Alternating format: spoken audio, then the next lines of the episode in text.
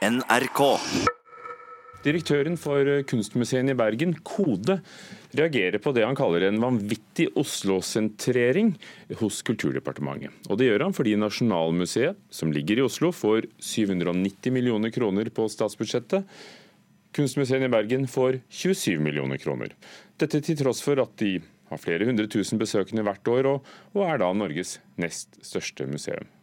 Vi må gjøre noe med denne vanvittige Oslo-sentreringen. Sier Petter Snare, som driver Kode, Norges nest største museum for kunst i Bergen. Han mener at Nasjonalmuseet skal ha et stort budsjett, men at forskjellen er så stor at den er blitt urimelig. Kodes største problem er at vi rett og slett ikke har penger å drive museet for. Vi har 300 000 besøkende, og vi får 27 millioner kroner. Nasjonalmuseet har 500 000 besøkende i året, nesten dobbelt så mange som Bergen. Men tilskuddet deres på statsbudsjettet er 29 ganger så stort som Bergensmuseet.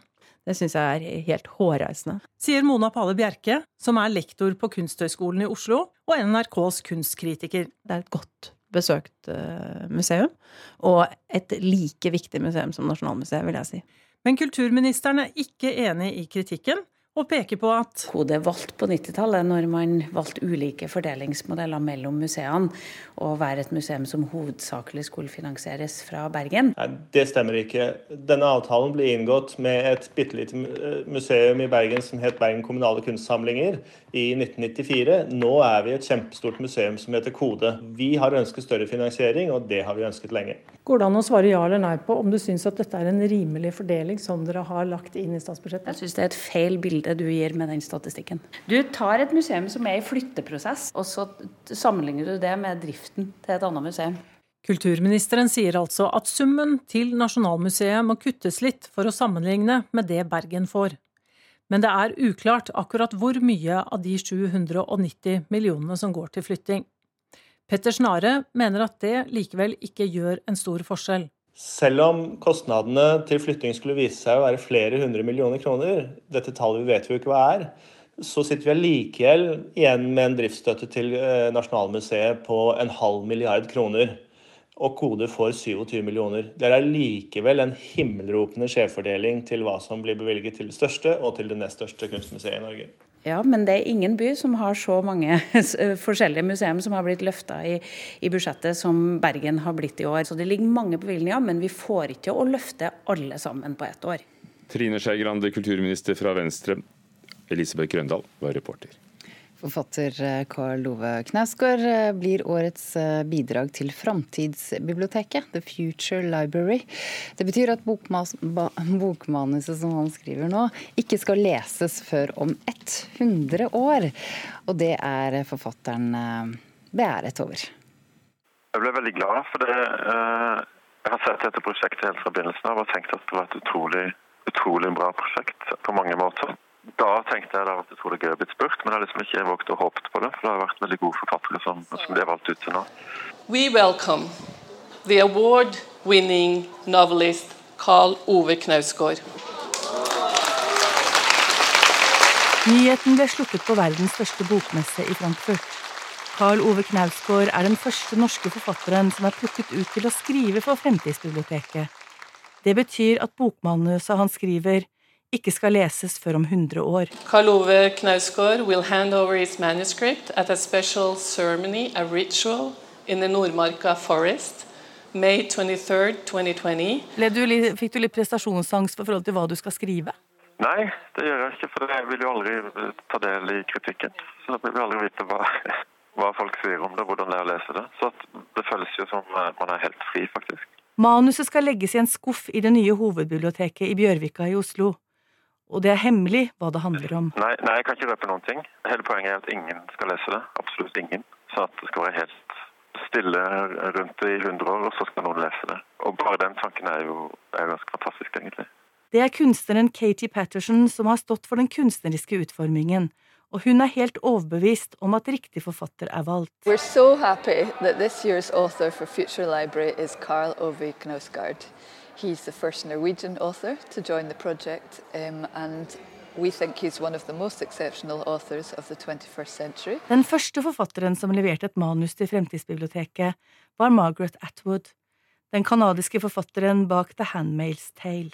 Hvert år skal det velges ut nye forfattere. Tenk på hvor, hvor få forfattere vi kjenner fra 100 år tilbake. Det er ikke mange som har blitt stående igjen. Det ble utgitt fryktelig mange bøker. Det er også en sånn eh, om vår vurdering, hvordan den gjelder om, om 100 år. Er du redd for at vi ikke kommer til å lese bøker om 100 år? Mm, nei. Jeg tror boka har jo overlevd absolutt alt mulig siden, uh, siden det ble begynt å skrive bøker. Og det er en det er så mye som du kan uttrykke i en bok som ikke du kan uttrykke i noe annet medium. Sånn at jeg tror at jeg er helt sikker på at boka vil finnes. Men om den finnes elektronisk eller om den finnes på papir, det vet jeg ikke så klart. Det sa Karl Ove Knausgård til eh, reporter Marianne Rustad Karlsen. Og Meningen er jo at de tusen trærne som er plantet i Nordmarka nord for Oslo, skal brukes til å lage det papiret for å trykke disse bøkene. da. Hvis trykkekunsten finnes eh, om nesten 100 år, og det, og det gjør den sikkert.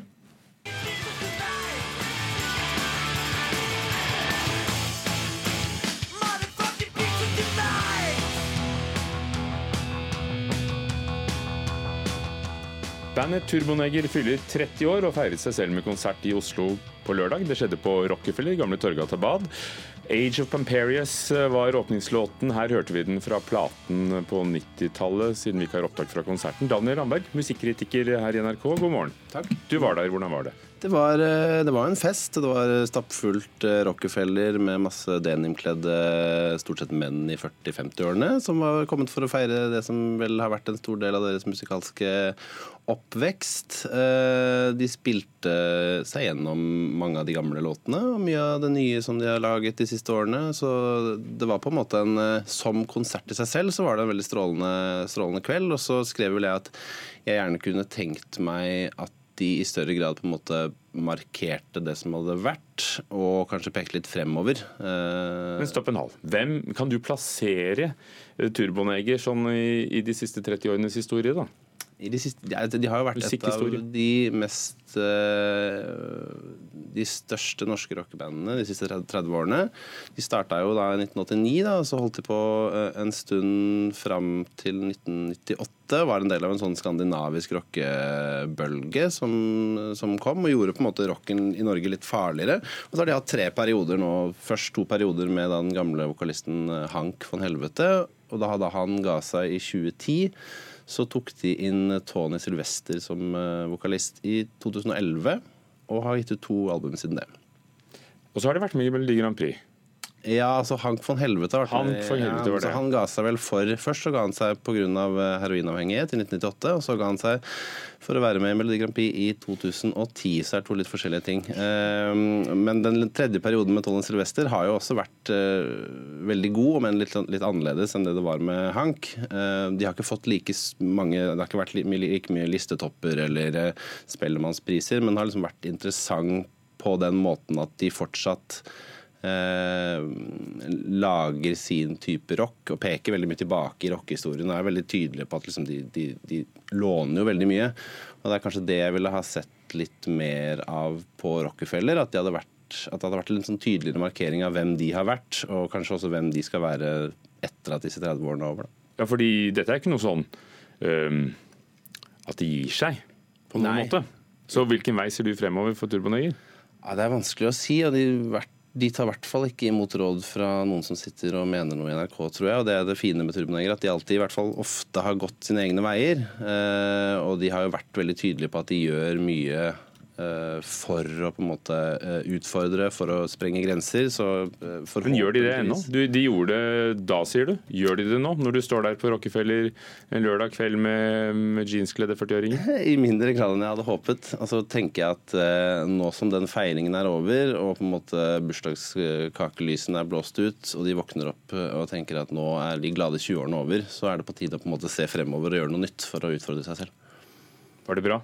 Det var veldig veldig gøy. Som konsert var det uh, fantastisk. men Det var en ordinær Turboneger-konsert. Men en ordinær Turboneger-konsert er likevel uh, mye morsommere enn 90% av andre norske konserter. Takk skal du ha, Daniel Ramberg. Og, og hele anmeldelsen kan man lese på nrk.no kultur. Og, og, neste konsert med Rockefeller er jo nettopp da, med, med, med Turboneger er jo nettopp på Rockefeller senere i november i Oslo, og så i Stockholm og i Helsingfors, og så, og så videre andre steder òg.